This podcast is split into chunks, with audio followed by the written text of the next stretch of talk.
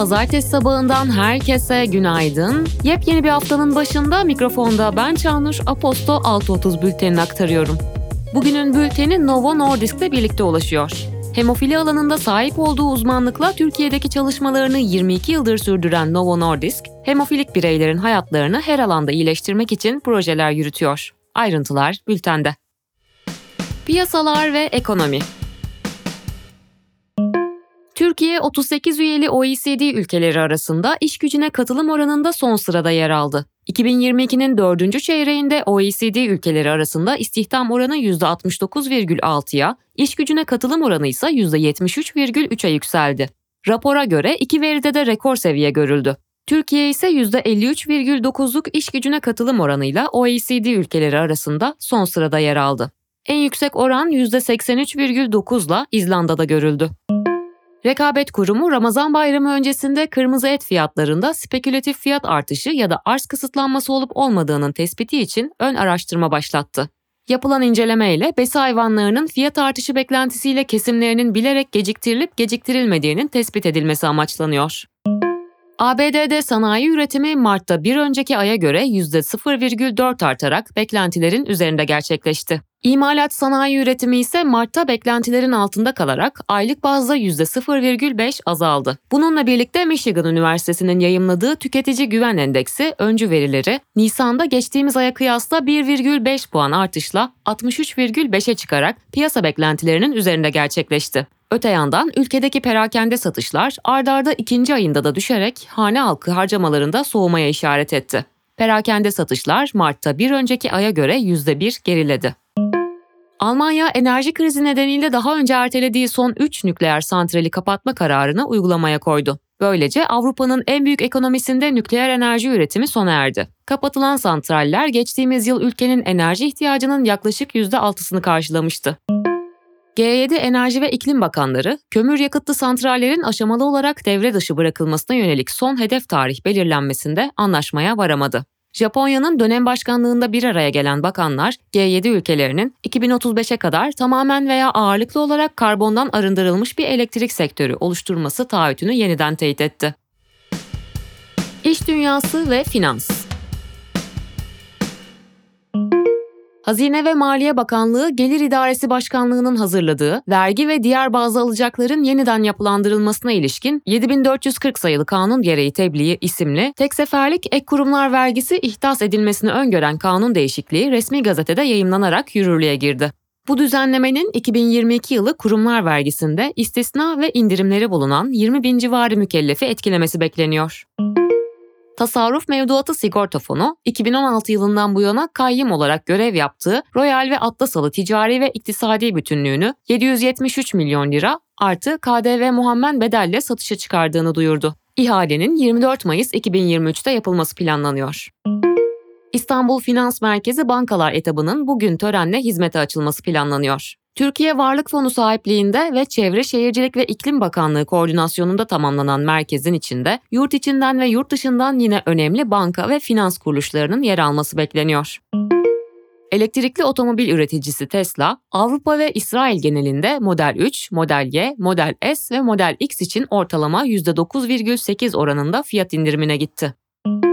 Yılın ilk çeyreğinde faizlerdeki artış ve mevduatların büyük bankalara kaymasıyla ABD'li yatırım bankalarından JP Morgan Chase, Citigroup ve Wells Fargo'nun net karı artış gösterdi. JP Morgan Chase'in karının geçen yılın ilk çeyreğine kıyasla %52, Citigroup'un %7, Wells Fargo'nun ise %32 arttığı açıklandı. Dünyanın en büyük fon yönetim şirketi BlackRock'ın varlıkları yılın ilk çeyreğinde tahminleri aşarak 9,09 trilyon dolara yükseldi. Yapılan açıklamada firmanın tüm fonlarına olan net akışın 110 milyar dolar olduğu kaydedilirken bu rakamın 103 milyar doların yatırım fonları ve ETF'leri içerdiği belirtildi. Politika Türkiye İçişleri Bakanı Süleyman Soylu, Bayrampaşa Belediyesi'nin sahur etkinliğinde yaptığı konuşmada LGBTİ artıları, ABD Büyükelçiliğini ve muhalefeti hedef aldı. ABD Büyükelçilerinin söyledikleri lafların önceden hükümetin kimyasını bozduğunu söyleyen Soylu, şimdi Amerikan Büyükelçiliğini boşver. Amerikan başkanlığını Türkiye'de kimse sallamıyor ifadelerini kullandı. Konuşmasında muhalefeti ve LGBTİ artıları da hedef alan Soylu, biz gideceğiz bu LGBT'ciler gelecek, aynı cinslerin evlenmesini isteyenler gelecek dedi. Gelecek Partisi lideri Ahmet Davutoğlu'nda zatüre başlangıcı tespit edildiği, kendisinin bir haftayı aşkın süredir Millet İttifakı'nın etkinliklerinde yer almamasının sebebinin bu olduğu iddia edildi. Habertürk yazarı Muharrem Sarıkaya'nın haberine göre, parti içinden bir kaynak Davutoğlu için durumu hızla iyileşiyor, bir iki güne meydanlarda görürsünüz ifadelerini kullandı. Yöneylem Araştırma Direktörü Derya Kömürcü, Cumhurbaşkanlığı seçimlerinde Memleket Partisi lideri Muharrem İnce'ye oy veren bir grubun bunu protesto amaçlı yaptığını, ilk kez oy kullanacak seçmenlerden İnce'ye oy vereceklerin motivasyonlarını ise bulamadıklarını dile getirdi. Evrensel'den Serpil İlgün'ün haberine göre Kömürcü durumu Muharrem İnce'nin oy oranının son 1-2 ayda inanılmaz bir yükseliş içinde olduğunu görüyoruz. Ama bu yükseliş İnce'nin yükselişi değil, üçüncü seçeneğin yükselişi şeklinde yorumladı. Yöneylem araştırmanın 27-29 Mart tarihlerinde düzenlenen anketinde kararsızlar ve oy kullanmayacaklar dağıtıldığında Memleket Partisi'nin %4,5, İnce'nin ise %9,1 seviyesine ulaştığı görülüyor. Buna göre de Cumhurbaşkanlığı seçimleri ikinci tura kalıyor. Politika Dünya Fransa'da ülke çapında protestolara neden olan tartışmalı emeklilik reformu yasası, Cumhurbaşkanı Emmanuel Macron tarafından imzalanarak resmi gazetede yayımlandı. Reformun yasalaşmasıyla ülkedeki emeklilik yaşı kademeli olarak 2030'a kadar 64'e çıkacak.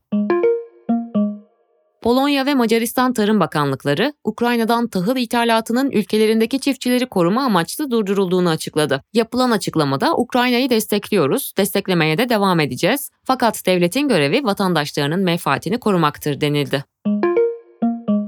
ABD'li hükümet yetkilileri, Pentagon'un gizli istihbarat belgelerini sızan Massachusetts Ulusal Hava Muhafızları'nın istihbarat kanadı üyesi Jack Teixeira'yı sosyal medyada yayımlanan gizli belgeleri yetkisi olmadığı halde bulundurmak ve bir başkasıyla paylaşmak suçlarıyla hakim karşısına çıkardı. Yargıç, Teixeira'nın tekrar mahkemeye çıkarılacağı tarih olan 19 Nisan'a kadar tutuklu kalacağını açıkladı. Teixeira ise resmi savunma yapmadı.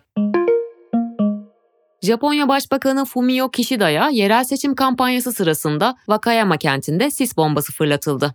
Başbakan bölgeden yetkililer tarafından hemen uzaklaştırılırken şüpheli de gözaltına alındı. Saldırının ardından Kishida, Mayıs'ta gerçekleşecek olan G7 zirvesine ilişkin katılacak üst düzey yetkililerinin güvenliği konusunda ilaveten önlem alınacağını belirtti.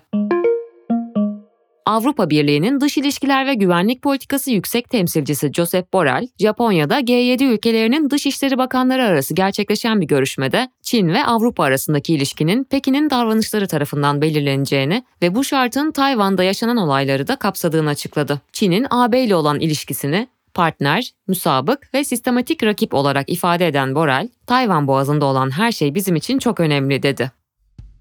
Teknoloji ve girişim ABD'nin Montana eyaletinde Çin merkezli ByteDance bünyesindeki TikTok uygulamasını tamamen yasaklayan yasa tasarısı kabul edildi. Montana Eyalet Meclisi'nde kabul edilen yasayı Montana valisinin de onaylaması halinde Montana, ABD'de TikTok'un tamamen yasaklandığı ilk eyalet olacak.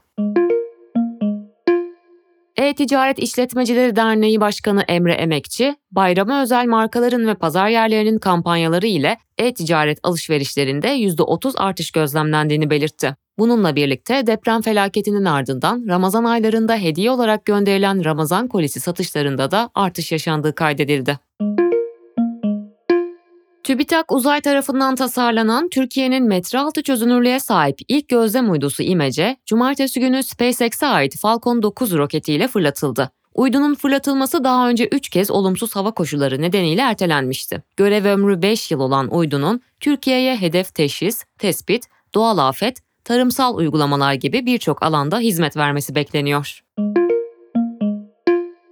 Avrupa Uzay Ajansı'nın Jüpiter'in buzlu uydularını inceleme misyonu kapsamında uzay aracı fırlatıldı. Yaklaşık 8 yıl içerisinde Jüpiter'in uydularına ulaşması beklenen roketin araştırma ve inceleme misyonunun toplam 4 yıl sürmesi planlanıyor. Jüpiter'in Buzlu Ayları Keşfi adlı misyonda Jüpiter'in uydularında mikroorganizmaların yaşamı için gerekli koşulların olup olmadığının araştırılması hedefleniyor.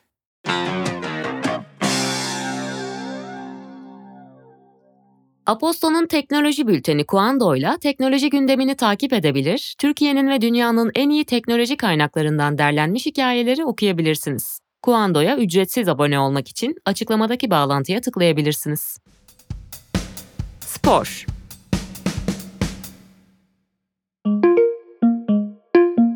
Bugün Hırvatistan'da başlayacak olan 2023 Avrupa Güreş Şampiyonası'nda 30 milli sporcu mücadele verecek.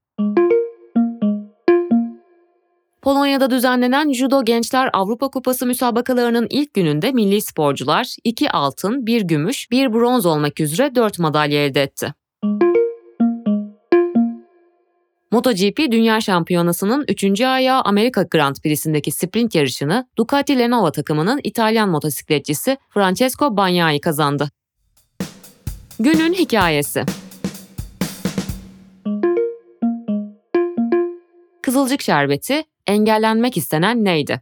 Sevgili İlkim Emirler sizler için kaleme aldı. 22 bölüm Show TV'de yayınlanan Kızılcık Şerbeti dizisi yayınlanmaya başladığı günden bu yana sık sık gündeme geldi. Kimi zaman işlediği konular, kimi zaman aldığı cezalar derken neredeyse her hafta dizi sosyal medyada tartışıldı. Öyle ki tartışılan konu bitmeden dizinin yeni bölümü ekrana geldi. Ancak geçtiğimiz günlerde Kızılcık Şerbeti 5 haftalık bir yayın durdurma cezası aldı. Dizi 14 Mayıs'taki seçimlerin ardından yeniden ekrana gelecek. Ancak gelebilecek mi? Yazının devamı bültende sizleri bekliyor.